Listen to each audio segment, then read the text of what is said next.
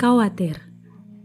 Rasa takut, gelisah, cemas terhadap suatu hal yang belum diketahui dengan pasti. Bahwasanya tak ada yang tahu hari esok, ya tak seorang pun.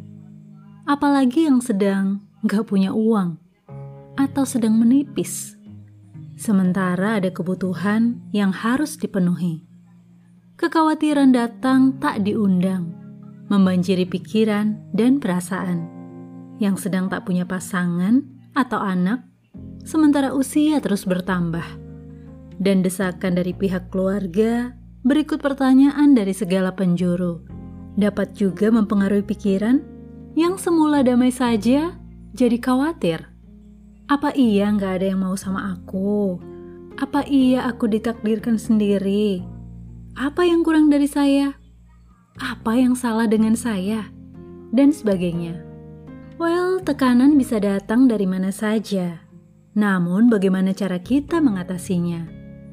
Jika kita tahu kredibilitas seseorang, kita nggak akan khawatir tentang besarnya proyek yang dihadapi berikut tingkat kesulitannya.